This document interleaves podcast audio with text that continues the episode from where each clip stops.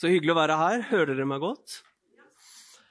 Så takk for innbydelsen. Det er spennende å være her igjen. Det er alltid morsomt å være her, for her er det mennesker som elsker Den hellige ånd og Guds nærvær og Guds ord, og som er tørste.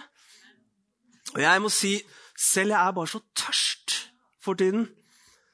Du vet at Vi har vært på møter hele vårt liv. Jeg er snart 50 år. Noen av dere er godt mye eldre enn det. Men vi har vært på mange møter, og så Far i himmelen, nå ber vi om at dette blir mer enn et møte. Fordi vi trenger ditt ord, vi trenger ditt nærvær. Vi trenger å se deg manifestert midt iblant oss. Herre, vi bare erkjenner at du er stor og mektig. Herre, vi er små i oss selv, men i deg, Jesus, så har vi alt. Jeg takker deg for alt makter vi som er i deg, Jesus Kristus. Og jeg takker deg for at din herlighet skal være her nå, Jesus. Vi erkjenner din tilstedeværelse. Vi takker deg for at du er verdig all lovsang og all tilbedelse. Vi priser deg, Jesus, og vi gir deg ære. I Jesu navn. Amen. Jeg ba uh, før, uh, før, jeg kom ned her, begynte å forberede ting. Det er, uh, det er et budskap som har vokst frem nå over en tre-fire uker jeg ba til Gud nå skal vi kjøre en partymaskin. Det må jo være noe spesifikt du bare ønsker å gi til mennesker der nede. Jeg er jo så glad i dere alle sammen. og det er klart vi kan, vi kan undervise, Det er alltid mange ting du kan undervise om. Men jeg opplever at jeg har fått et budskap. Eh, et tydelig, spesifikt eh, budskap. Eh, og det blir en blanding av det å undervise og det å profetisk gå ut uh, i ulike ting Jeg opplever at Gud bare vil plante ting inn i livet ditt. Skal aldri mer bli den samme. Vi trenger å forandre oss. Jeg trenger å forandre meg. Om jeg skal være ledet av Den hellige ånd ut i det Gud har for mitt liv, trenger jeg gå med han, og jeg trenger å si ja til hans forandring. Amen. og det er utfordrende altså, virkelig å leve i dag. For det er mange ting som skjer rundt omkring oss. Gud vil revansje i ditt liv. Det er det jeg skal snakke om. Gud ønsker en revansj i ditt liv. En skikkelig revansj. Jeg hater djevelen. Gjør du det? Han vil stjele, han vil myrde, han vil ødelegge. Johannes 10,10, hvis vi får det opp. Tyven kommer bare for å stjele, myrde og ødelegge. Jeg er kommet for at de skal ha liv og overflod. Vi må være bevisst det at det finnes en tyv. En tyv, han stjeler. En tyv, det ligger i ordets natur. Han vil ta. Han vil ødelegge, og han vil det i ditt liv, og han vil det i mitt liv. Han kommer på ulike måter. Han kan komme gjennom sykdom. Han kan komme gjennom uh, tapte relasjoner. Han kan komme gjennom mangel på glede. Han bare tar gleden ut av livet ditt. Han kan komme gjennom det at uh, det er løfter som du har stått i tro for lenge, men du har bare ikke sett det gå i oppfyllelse ennå. Du bare lengter og lengter, og det er bare en som holder en klam hånd over livet ditt. Du kan komme gjennom synd og at du har kommet ut i et område der du på en måte er fanget. Det er mange måter det kan skje på, men Gud vil ha en revansj i ditt liv. Han vil ha en oppreisning. Han vil at du i dag skal være full av glede, full av begeistring og full av tillit, full av tro på hva Gud skal gjøre i ditt liv, og hva han skal gjøre fremover med ditt liv. Amen. Så, så vær bevisst det. For litt siden så sa, så sa Den hele ånd til meg Kato, jeg vil du skal bli mer aggressiv i forhold til sykdom. Aksepter for all del ingen form for sykdom som kommer mot deg eller din familie. Jeg hater sykdom. Det kan og jeg har sett det. Det kom imot oss en lang periode. Det kom jo til Inger. Hun er friere enn noen gang, friskere enn noen gang. Mer full av energi enn noen gang. Det kan komme mot barna dine. Det kan komme så mye greier, men Gud er større. Gud er sterkere. Og han som bor på innsiden av deg og meg, han er en seiervinner. Ikke nødvendigvis du og jeg, men han som bor i oss. Og det gjør oss til seiervinnere, at han bor på innsiden av oss. Og jeg har en stor tillit til at i dag så skal han få lov til å berøre ditt liv. Han skal få lov å tale noe dypt inn i livet ditt, så du ser ting på en litt annerledes måte. Vi trenger å løfte våre øyne. Så eh, han er en tyv, men Gud er en som frivillig ønsker å gi inn i livene våre. Og nå skal vi se på en person eh, i Lukas 5, hvis vi går dit. Vi skal hilse på Peter, hvordan han ble kalt hvordan Jesus møtte Peter. Og så skal vi bruke det som en bakgrunn for en del ting som jeg ønsker å snakke om. Men Peter han fikk jo en sjokkartet opplevelse en dag. Han var ute og fisket, men det var veldig veldig lite han fikk. Men så kom en person inn i hans liv, og han heter Jesus Kristus. Han hadde ikke møtt ham før, men han skulle møte Frelseren. Så skjedde det at folket trengte seg sammen om ham for å høre Guds ord. Og han sto ved Genesaretsjøen. Så så han to båter som lå ved stranden. Fiskeren var gått ut av dem. De holdt på å skylle garnene. Han gikk da om bord i én av båtene som tilhørte Simon. Ba ham om å legge litt ut fra land. Da han sluttet å tale, sa han til Simon, legg ut på dypet, kast ut garnet til fangst. Simon svarte og sa til ham, mester, vi har strevd hele natten og ikke fått noe, men på ditt ord vil jeg kaste ut garnene. De gjorde så, og de fanget så mye fisk at garnene holdt på å sprenges. De vinket da til lagsbrødrene i den andre båten at de skulle komme og ta med dem. De kom, og de fylte båtene slik at de holdt på å synke. Peter opplevde tap. Peter opplevde at han ikke hadde fått noen ting. Peter var på et sted i sitt liv Husk på at han drev næring. Peter var fisker. Han var avhengig av fangsten. Og han hadde flere båter. Og han drev der sin næring der ved Genesaretsjøen. Uh, han hadde kanskje hørt om Jesus før, men nå var han på rett plass, til rett sted, til rett tid. Og han traff den rette mannen. Enkelte ganger så er vi på feil plass, feil tid sammen med feil mennesker. Men bare Gud kan lede oss ved Den hellige ånd, så er vi på rett plass til rett tid sammen med rett mennesker. Peter var på riktig plass. Han var der hvor Jesus var.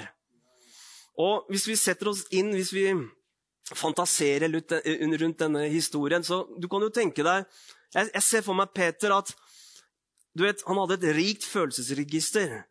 Og jeg ser, ser ham for meg, han, han er slukøra. Han står der med garnene sine. Ikke noe i natt heller.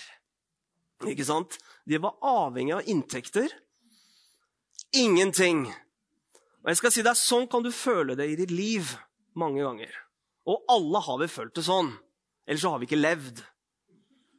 Om vi har levd mer enn 20 år eller 30 år eller 40 år, så har vi følt at å nei, er det ikke mer enn dette? Det må da finnes mer. Det må da være noe mer.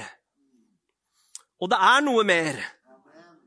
Gud skulle gjøre noen ting i Peters sitt liv som kom til å endevende hans omstendigheter.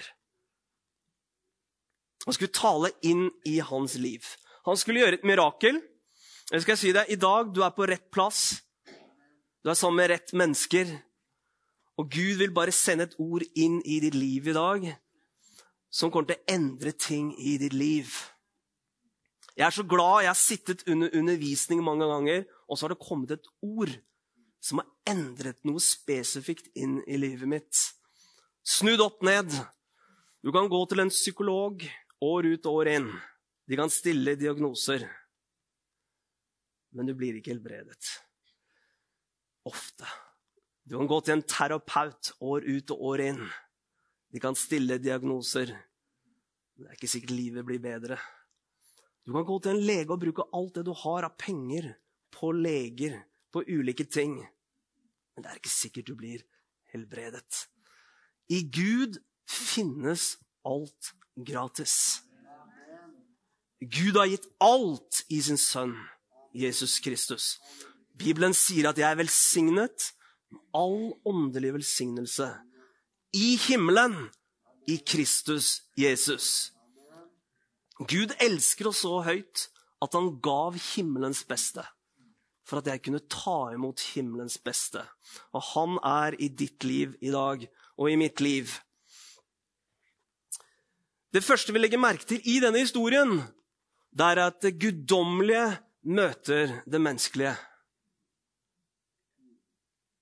Det guddommelige møter det menneskelige. Det er i skjæringspunktet mellom det guddommelige og det menneskelige at miraklet oppstår. At Gud beveger seg. Hør hva jeg sier nå.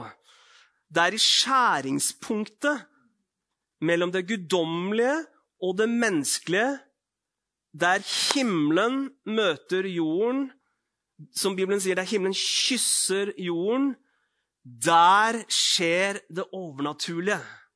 Og en menighet uten det overnaturlige er ingen menighet. Jeg er en eh, mann som tror på Bibelens autoritet. I dag så diskuterer man mann og kvinne og homofili og alt mulig. Jeg tror på Bibelen. Det tror jeg dere gjør òg. Står for Bibelen. Jeg tror på åndens gjerninger. Mange som ikke vil vedkjenne seg åndens gjerninger i dag. Jeg tror på Den hellige ånds arbeid både i den enkeltes liv, i menighetens liv. Jeg tror på åndens gaver. I stad var det en som var her framme og profeterte. Ikke sant? Det var det du gjorde. Åndens gaver i funksjon i menigheten. Jeg tror Gud skal bare forløse oss alle sammen. Så vi begynner å virke i det overnaturlige alle sammen.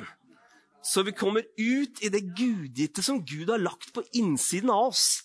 Det finnes et potensial som er helt enormt. Så Peter, han eh, strevde jo, men det kom en person. Jesus var der. Gud var der. Gud i kjød var der. Ordet åpenbart var der. Og han skulle endevende Peter sitt liv.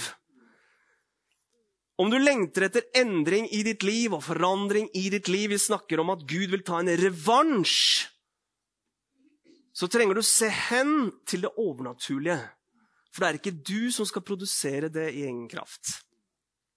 Det er ikke jeg som kan produsere det i egen kraft. Og Peter, han opplevde det. Han opplevde det at Guds overflod var der for ham. At Guds hjelp var der for ham. At det han trengte i den situasjonen, det var der for ham. Han opplevde å bli sett. Det står 'Jesus så to båter'. Og Det er interessant at det står i Bibelen at Guds øyne farer over hele jorden. Og jeg vil si til deg i dag at Gud ser deg. Han ser ditt liv. Det var noe av det som også kom fram i, i profetien. Gud har et hjerte for deg unikt. Det er viktig å se. For i dag så er det sånn at uh, ofte så går man i flokk. Ofte så opplever man at man ikke er en del eller tilknyttet sammenhenger. Folk er jo engstelige for å ikke tilhøre noe, og folk trenger å tilhøre noe. Folk trenger å bli sett, bare i det menneskelige. Men enda sterkere Gud ser deg. Gud ser meg. Han har omsorg for deg, og han vil lede deg ut av den situasjonen du står i i dag, så det blir lys som kommer inn i ditt liv istedenfor mørke. Så det blir frihet istedenfor bundethet. Så det blir en guddommelig seier istedenfor nederlag. Så det blir mer enn nok istedenfor altfor lite. Gud er en overflodsgud som bare elsker å øse ut over deg. Han er så full av godhet. Han elsker så enormt høyt. Og det står at Guds kjærlighet er utøst i våre hjerter ved Den hellige ånd. Ser du deg som elsket? Det er så viktig i dag. Det er så mye press som kommer imot oss.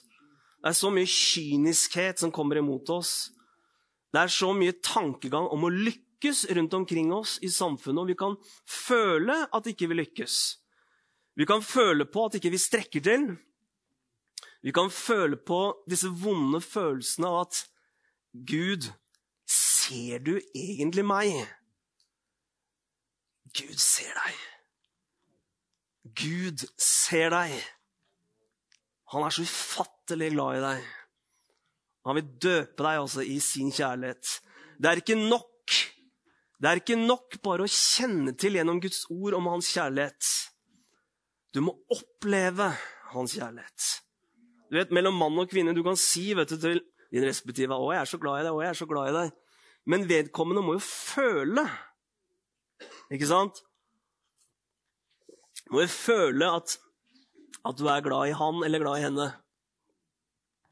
Så Peter han fikk altså Jesu øyne rettet på seg. Du har Jesu øyne rettet mot deg i dag. Det er et nådesverk. Jeg vil bare dele noen tanker nå til å begynne med. Det er et nådesverk og ikke et verk av deg selv. Hva er Guds nåde? Guds nåde betyr fri. En av betydningene. Det er gratis. Karis. Gratis. En annen betydning det er at det er ufortjent favør. Du er frelst av bare nåde. Efesebrevet sier 'av nåde ved tro'. Så det er altså en samarbeid mellom himmelen og deg. Det du og jeg gjorde, det var bare å ta imot en gave som er gitt oss. Guds nåde er en gave, og Peter han tok imot denne gaven. Han tok imot Guds omsorg, han tok imot Guds kjærlighet, han tok imot Guds nåde. Han tok imot Guds overflod. Han ble kjent med en frelser som gjør mirakler. Er du blitt kjent med en frelser som gjør mirakler? Er du blitt kjent med en Jesus som virker i det overnaturlige? Har du merket Guds salvelse i ditt liv? Jeg skal snakke mer om det etterpå. Har du merket at ordet får lov til å ta tak i ditt liv og endre ditt sinn? Gud ønsker dette. Gud har dette på sin plan for deg og meg. Så Peter, han strakk ikke til. Han hadde ikke alt på stell. Og jeg tenker at Peter var en ganske tøffing. Du kan på en måte lese det litt mellom linjene, og hvordan han responderer, og hvordan han er som mennesketype. Og vi vet at disse menneskene som var rundt her og levde rundt Galileasjøen, de var ganske tøffe, hardføre mennesker. Og jeg tenker at Peter, hvis han skulle virkelig følge en person og gi sitt liv Jesus visste at han trengte å vise ham det overnaturlige visste at han måtte se et mirakel. Ja, jeg har jobbet litt med et lederskap inne i Oslo. Vi driver og arbeider med visse ting og en type revitalisering. Og, og så snakker vi sammen og på en måte, Og jeg bare merker hvor raskt det er å gå inn i aktivitetsbasert kristendom. Ting vi skal gjøre istedenfor å være. Istedenfor å se og istedenfor å bli enige om hva er det Gud vil Det er jo et ganske essensielt spørsmål. Hva vil Gud nå? Og hans gjerninger, ikke våre gjerninger først og fremst, men hans gjerninger i våre liv. Er det noen her som lengter etter hans gjerninger i ditt liv? Hans gjerninger. Shila kahaya. Sebrasi shikita haya zukwande. Ja, du har vært opptatt av dine egne ting. Av dine egne gjerninger. Av det du selv har opplevd. Av det du selv har sett. Men jeg vil vise deg større ting. Store ting. Ufattelige ting Ting som ikke du våget å tenke på. Ting som bare jeg kan gjøre i ditt liv og gjennom ditt liv. Se, jeg vil gjøre store ting i ditt liv. Ufattelige ting gjennom ditt liv. Du er min, bare min. Jeg har kalt deg ved min nåde. Du er min. Priser deg, Jesus.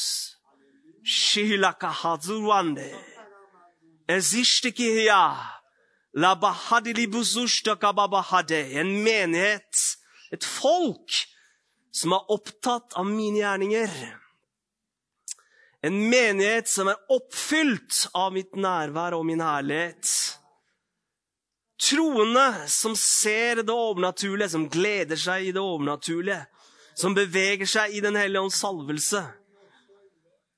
Som beveger seg i det som er av liv og ånd. Som ikke beveger seg bare i kunnskap, teori og informasjon, men i åpenbaring og innsikt. Og kraft som finnes hver eneste dag for den som er åpen og vil ta imot. Priser deg, Jesus. Ja, hva var det for noe? Takk, Jesus. Kashikiende. La barashitulo wande. La hati shikiende. La hande suprashikende. La hate lebede. Barusunde, du tror det er umulig, men med meg er det mulig. Du tror det er håpløst, men med meg finnes det håp. Ja, du ser at det er mørkt, men jeg er lyset som kommer inn i din hverdag, og som lyser opp, så du skal se klart og tydelig. Priser deg, Jesus. Priser deg, ja takk. Og så sier han, 'Jeg har ikke forlatt deg'. Amen. Han har ikke forlatt deg.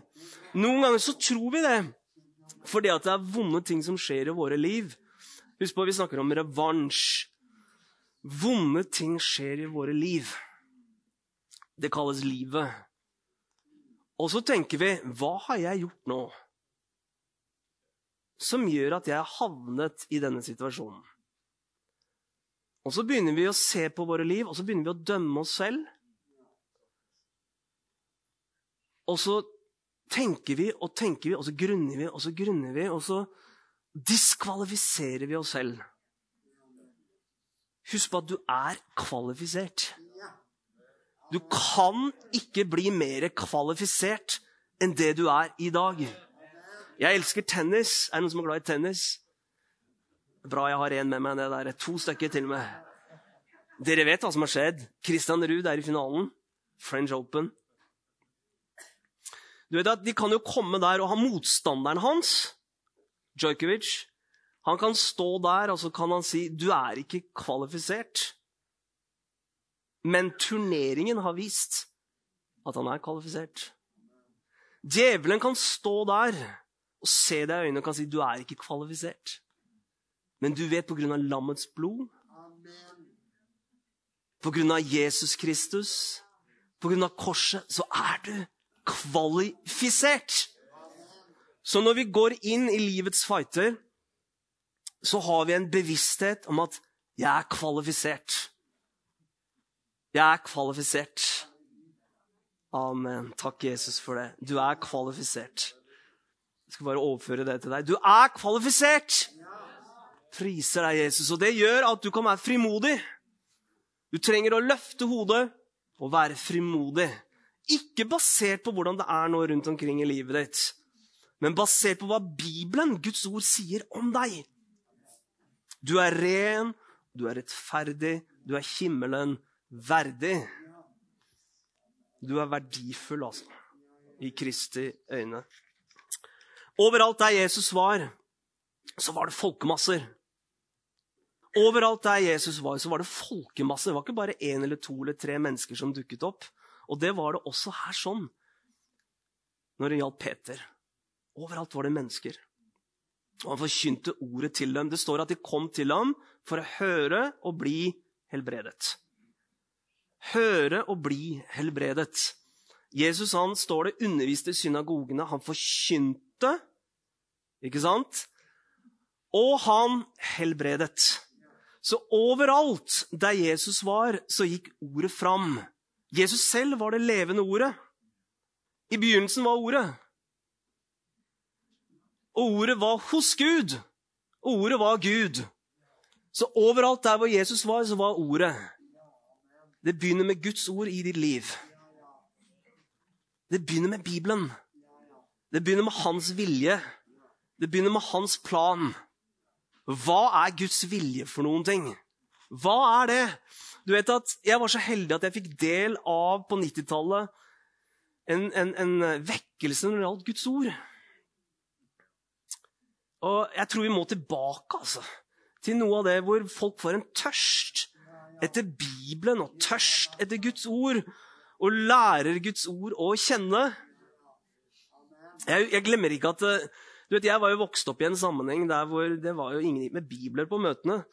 Så, og så plutselig så kom jeg jeg husker jeg var med en venn ned til Livs Ord. Det var her var begynnelsen av 90-tallet. Eh, og jeg ble jo sjokka, vet du. Eh, både jeg og søsteren min som var der nede. For der så vi jo unge mennesker som faktisk gikk med en bibel. De hadde jo bibler når de gikk på møtene, og ikke bare det. Jeg husker det var på en, eh, på en sånn nyttårskonferanse, og de sto altså i timevis for å komme inn på møtet. Men i alle dager, hva er dette greiene her for noe? Jeg skjønte jo det, Skulle jeg i det hele tatt få plass sånn noenlunde framme, så måtte jeg stille opp og stå i kø. Jeg husker jeg sto i to timer på en nyttårsaften for å komme meg inn, i hvert fall. Og få en plass. Og dette var, da, dette var ungdommer, unge mennesker, som ville høre Guds ord. Jeg tror vi må tilbake til forkynnelsen av Kristi ord. I din situasjon der du er i dag. Det starter med forkynnelsen av ordet inn i din situasjon. Hva sier Gud? Hva er Guds vilje? I begynnelsen var ordet. Starten, begynnelsen på at du skal komme gjennom, er ordet i ditt liv. Åpenbart. Det åpner våre øyne så vi kan se tydelig. Det åpner våre øyne så vi ser bedrag i våre liv. Djevelen er en løgner, han er løgnens far. Og han kan ikke annet enn å lyve om den situasjonen vi står oppi. Han vet han er beseiret. Men som troende så kan vi enten si ja til hans planer, eller vi kan si nei til hans planer. Du og jeg har fått autoritet. Med autoritet følger ansvar. Og det har vært undervist om troens autoritet nå i 20-30 år veldig sterkt. Dere, vi har fått autoritet. Reis deg opp, Trone. Du har fått autoritet. Bibelen sier, 'Stå imot djevelen'. Stå, hvem skal stå imot djevelen? Du skal stå imot djevelen. Du reiser deg opp og gjør det i ditt liv. Du trenger ingen her framme for å gjøre det. Du kan gjøre det! Bibelen sier, 'Du skal be'. Reis deg opp, vær med å be. Be om forandring i den situasjonen du står i. Du trenger ikke forbønn hele tiden. Jeg tror på forbønn. Men du kan be. Du kan be troendes bønn. Og du kan være fylt av Den hellige ånds salvelse og be bønner til Gud. Og Bibelen sier at Den hellige ånd hjelper oss i vår svakhet. Og jeg skal si deg at djevelen, han må fly. Din fiende. Nå er det sånn at vi også har et kjød å hanskes med. Men vi må skjønne det at i vår hverdag så er det en som vil stjele, myrde og ødelegge. Men ordet i våre liv gjør oss sterke. Og vi trenger det. Og det startet her med den opplevelsen som Peter hadde, at Jesus sto der og forkynte. Nå vil jeg si litt om Den hellige ånds salvelse. Jeg elsker Den hellige ånds salvelse. Jeg elsker det. Jeg elsker Den hellige ånds nærvær. Det var en som sa at du kan ikke bare ha ordet. Da blir det tørt. Du kan heller ikke bare ha ånden, for da eksploderer alt sammen. Vi er nødt for å kombinere begge ting. Da blir det balanse i ting. Det var en som sa det. Men vi, vi, kan ikke bare undervise og bare forkynne. Du i ditt liv trenger Den hellige ånds salvelse. Og Ofte så tenker vi på at ja vel, det er de fem embetene først og fremst. Ja, de trenger det. Det er sikkert og visst. De som står i et embete, de trenger Den hellige ånds salvelse, ellers er det en liv. For det er ikke informasjon som presenteres. Det er ånd, og det er liv.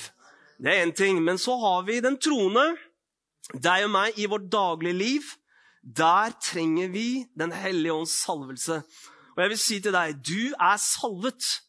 Da Jesus sto der og forkynte og underviste, da han visste og så hvem Peter var, så visste han jeg er jo salvet. Kapittelet foran, i Lukas 4, så står det Hva er det Jesus sier for noe? Han har salvet meg til å forkynne evangeliet. Til å helbrede. Til å sette mennesker i frihet. Du trenger Den hellige ånds salvelse i ditt liv, ikke bare for å sette andre fri, men å holde deg fri selv. Du trenger å oppleve Guds nærvær rikt i ditt hverdagsliv. Gjennom lovsang, gjennom tilbedelse, gjennom at du beveger deg i din Hellige Ånd hjemme i ditt hjem. Så du holder deg fri fra bekymring som fienden kaster på deg. Fra depresjoner ifra helvete som kommer imot deg. Fra sykdommer som han ønsker å plante inn i din kropp alt mulig slag som kommer imot deg. Men når Den hellige ånds salvelse kommer over deg, så opplever du frihet i ditt liv. Amen. Å, det er viktig, altså. Den hellige ånds salvelse der du danser i ditt eget hjem. Der du forkynner til deg selv i ditt eget hjem. Der du taler ut ordet i ditt eget hjem. Der du roper i ditt eget hjem.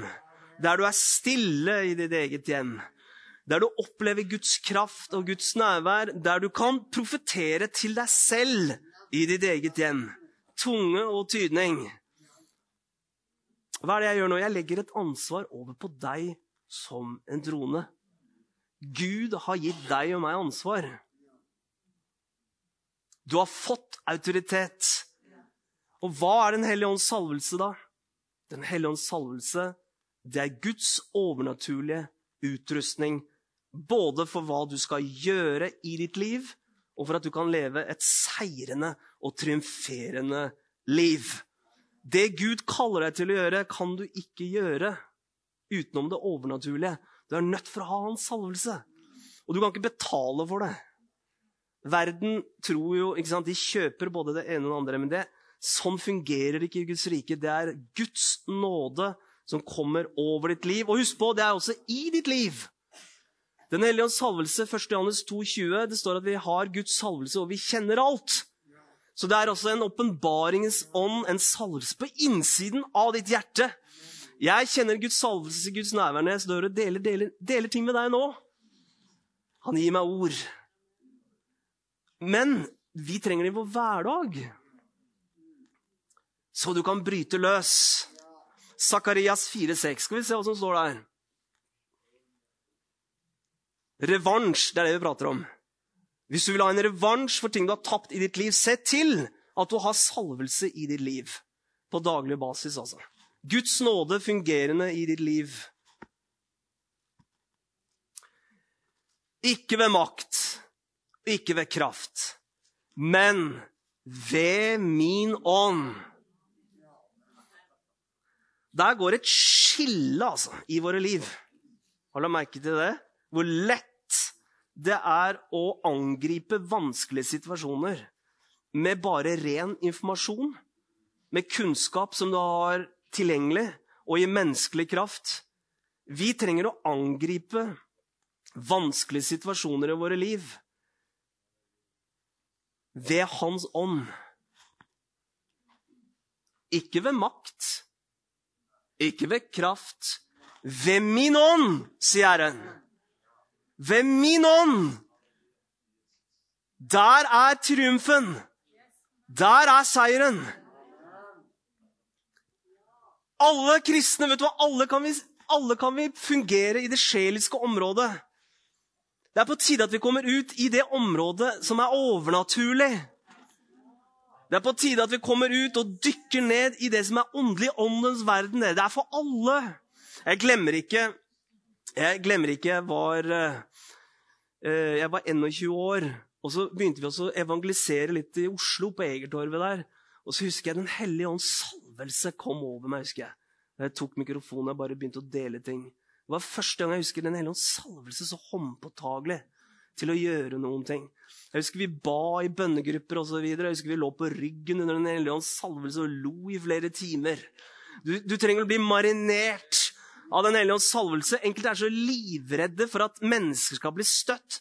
Men egentlig er det vel du som blir støtta av Den hellige ånd. Enkelte menigheter i dag, pinsemenigheter, de er engstelige for at det blir talt i tunger inne i lokalet. Pinsemenigheter, engstelige. Da er jeg glad for å si at jeg tror på å tale i tunger. Jeg tror på åndens gaver. Og jeg tror det er nødvendig at vi fungerer i det. Ikke bare herfra, men i våre liv på daglig basis. Der trenger vi åndens gaver. Plutselig kommer et kunnskapsord inn i livet ditt som bare løser opp alt sammen. Plutselig kommer et visdomsord der du får overnaturlig visdom. Plutselig kommer overnaturlig tro som en gave inn i livet ditt. Det er bare situasjonen endevendes. Den hellige ånd og Den hellige ånds kraft. Vi trenger den. Vi trenger han. Han er en person. Så ikke ved makt, ikke ved kraft, men ved min ånd, sier Herren. Jesaja 10, 27 er det vel. Der står det at åket sprenges ved fedmen. Salvelsen sprenger åket. Hvis du har et åk i dag, altså i Jesu navn, skal det bare sprenges over livet ditt. Og dette er noe som kommer ved jevne mellomrom. Så kommer fienden åk over livene våre. Helt plutselig så er ting seigt. Helt plutselig så er du trøtt.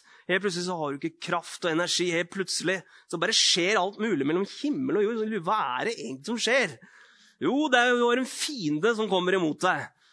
Og da er det noen ting som reiser seg på innsiden av deg, og det sprenges ved Den hellige ånd. Du kan ta autoritet i ditt liv, forløse salvelsen i ditt liv, og selv sprenge de åkene som kommer imot deg. Du trenger ikke å være avhengig av mennesker rundt deg. Du kan gjøre det! Amen. Du kan tale. Du kan det. Du kan forkynne og tale. Han vil trene deg opp, altså. Til å gjøre det. Og til å ikke være redd og engstelig. Vi trenger ikke engste oss. Vi trenger ikke å frykte. Fordi Gud er med oss. Han ser oss. Jeg skal snakke litt om troens lydighet. Fordi Peter valgte faktisk å gjøre det Jesus sa. Det er interessant. Det er ofte vi ber til Gud, men så liker vi ikke svarene. Jeg har gjort det flere ganger. Fordi jeg trenger en løsning i mitt liv. Jeg trenger noe. Men så, så sier han sier noe som jeg egentlig ikke liker. Jeg vil ha det på en annen måte. Husker du Naman? Naman trengte helbredelse. Men han ville ikke gjøre det som Gud sa gjennom profeten. Du, Naman, du skal gå og dykke deg ned i Jordanelven. Det var sju ganger, eller noe sånt, var det ikke det da? Opp og ned. Ja, det er ganske, ganske merkelig. Her, her står Naman vet du, med alle titlene og Stolte, store Naman måtte bøye seg ned og så måtte han gå ned den skitne elva. Og så måtte han dykkes ned, opp og ned, opp og ned. Sju ganger. Men han blei frisk. Men han kunne valgt, og han var på vei til ikke å gjøre det. Troens lydighet. Peter, han blir nysgjerrig. Han holder på med garnene sine. Han holder på, og han låner øre. Hva er det denne mannen sier for noe? For han holder jo på å undervise. Og så inviterer han Jesus inn i båten. Han, Den hellige ånd kjører deg ikke inn i et hjørne, han inviterer deg. Og så kommer det et ord som Jesus formidler. Først så talte han til folket. Og hør nå, her er det noen ting. Først så talte han Guds ord, ganske generelt antageligvis til folket. Men så kommer et spesifikt ord til Peter. Sørg for å ha et, ord, et forråd av Guds ord inn i ditt liv. Og det er mye lettere for Den hellige ånd bare å ta ordet spesifikt og bringe inn i ditt liv. Et remaord. Og her er Peter. Han trenger en løsning. Han har holdt på hele natten. Så sier Jesus, 'Legg ut på dypet'. Og Her opplever jeg et profetisk ord til mennesker her i dag. Legg ut på dypet. Forbli ikke på det grunne vannet men bare legg ut på dypet og kast ut garnet til fangst. Og Det kan bety så mangt i våre liv når vi sier 'legg ut på dypet'. Kanskje er det et rikere forhold til En helligånds nærvær som vi snakker om. Kanskje handler det om å få Guds ord sterkere på innsiden av våre liv. Kanskje handler det om å helhjertet stole på Gud. At Gud faktisk lover, og at han, er, han faktisk er den han er. Gud er den han er. Gå ut på dypet, kjære venn. Kast ut garnet til fangst. Forbli ikke der inne ved stranden. Peter fikk høre disse ordene. Og jeg kan bare tenke meg, Nå har jeg drevet og fiska hele natta. Skal jeg ut på det havet der igjen? Skal jeg igjen gå ut der? Skal jeg igjen trekke fram redskapen? For husk på, Gud bruker ofte naturlige tingene vi har i våre liv. For Peter var det en båt, det var redskap, og det var Galileasjøen. Ut, Peter! Kast ut garnet om igjen. Og han valgte å lyde. Han valgte å si ja. Hva er det Den hellige ånd har sagt til deg? Hva er det han har vist deg? Kanskje gjennom år jeg vet, I mitt liv så har jeg hatt runde på runder ved ulike ting. Han har sagt ting, han har vist meg ting. Så er spørsmålet, Cato, vil du lyde? Vil du følge? Vil du gjøre det jeg faktisk sier? Du ber om et mirakel. Vil du lyde Jesu ord? For et mirakel er en ofte, dere, ofte et mirakel i våre liv. Altså en, en, eh, en eh, gudgitte øyeblikk av våre liv der ting bare endres og switches. Det er ofte en kombinasjon av Gud på den ene siden og deg på den andre siden. Det er ikke sånn at Gud bonk, dynker sitt mirakler, mirakel eller sine løsninger ned i hodene på oss. Gjennom tro får vi del av guddommelig natur. Og alle Guds løfter står det i Bibelen. Det står om Abraham at han var tålmodig han var utholdende. Det står om Abraham at han bare gikk. Hva er din del og min del? Det er bare å tro det han sier, at det er sant. Og ledet av Den hellige ånd ta disse små stegene i den retningen som han viser oss. Peter gjorde det, og han fikk en revansj i sitt liv. En herlig revansj i sitt liv fikk han. Jeg skal snart avslutte. Men jeg skal si deg Gud er en Gud av revansj. I begynnelsen, da mennesket falt til synd, så profeterte han til slangen. Og han sa, 'Jeg skal sette fiendskap mellom deg, din ett, og hennes ett.' Du skal knuse, eller han skal knuse ditt hode, og du skal knuse hans hæl. En revansj. Jesus skulle komme i framtiden. Og om og om igjen gjennom bibelhistorien så leser du nettopp dette. Da David kom på banen, hvordan skjedde det? Gjennom et stort problem som het Goliat. Det store problemet ble en løsning. Husk på det. Ditt problem kan bli en genuin, guddommelig løsning som fører deg inn på rett kurs, inn i det Gud har for ditt liv. David han skulle ikke bare sitte der med sine små lam. Han skulle ikke bare tjene sin far hjemme. David hadde blitt salvet, og David skulle jo inn i et kongsembete. David på, var på vei inn i noe gudgitt. Men hva var det som forløste det? Jo, det var Goliat som forløste det. Det var Goliat som forløste det, ved at han ble forløst. Ved at han tok virkelig Goliat altså ved skjegget. Og Goliat kan stå i ditt liv og le av det. Kan stirre deg inn i hvitøyet. Da er det du som må reise deg og si 'nok er nok'. Hit og ikke lenger.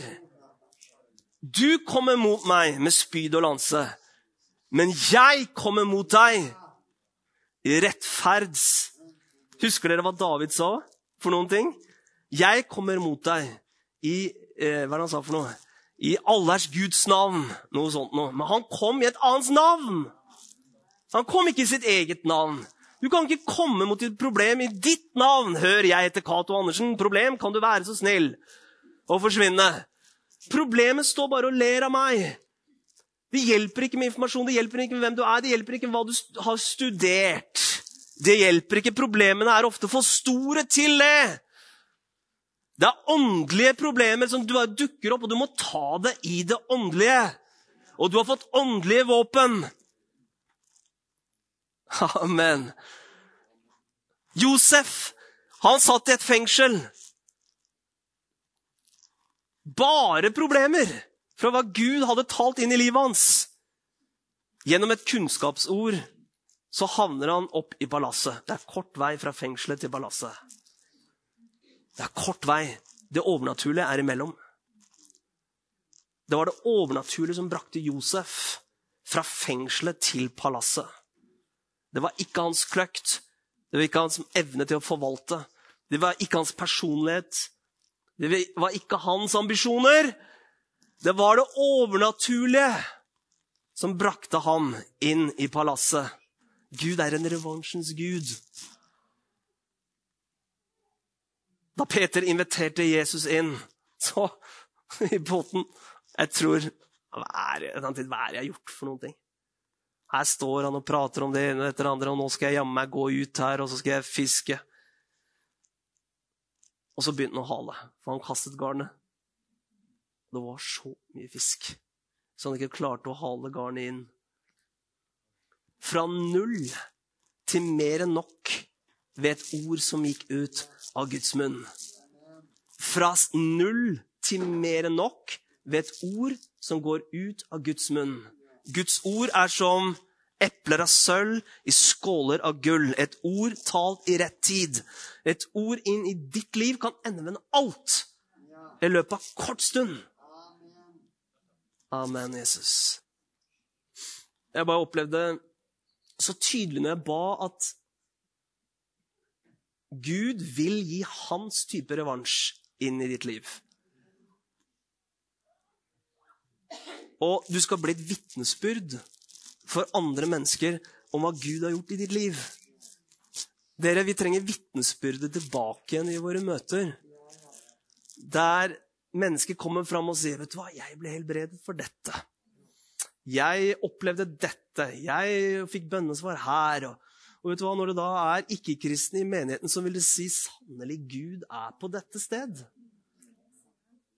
Sannelig, Gud er her. Fordi Gud berører menneskers liv.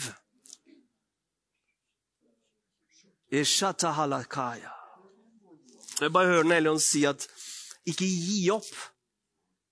Ikke gi opp. Ikke gi opp dine barn. Kanskje du opplever at de går i en feil retning.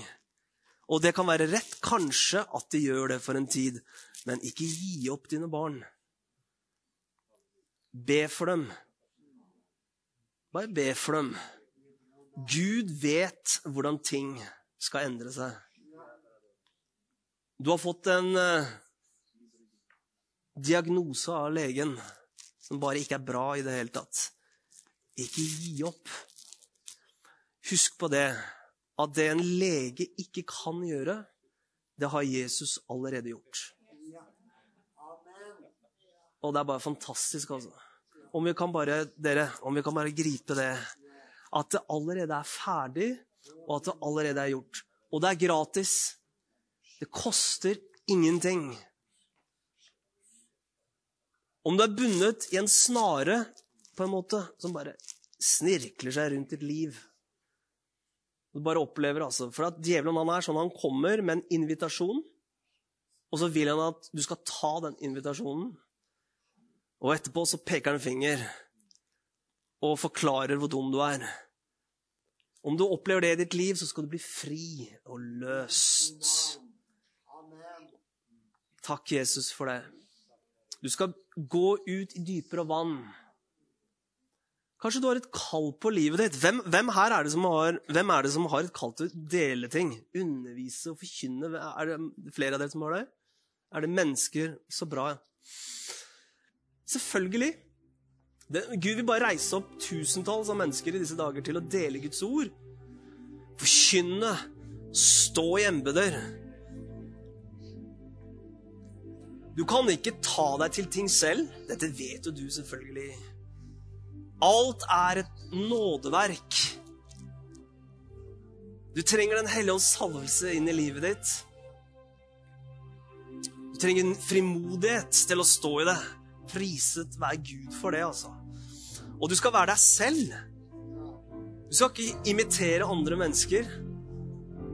Fordi han kaller deg til å hjelpe andre mennesker. Og når vi snakker om disse forskjellige tjenestene, så er det egentlig bare tjenere. Hjelpe andre mennesker. Det er det det dreier seg om. Betjene andre mennesker med Guds ord og med Den hellige ånd.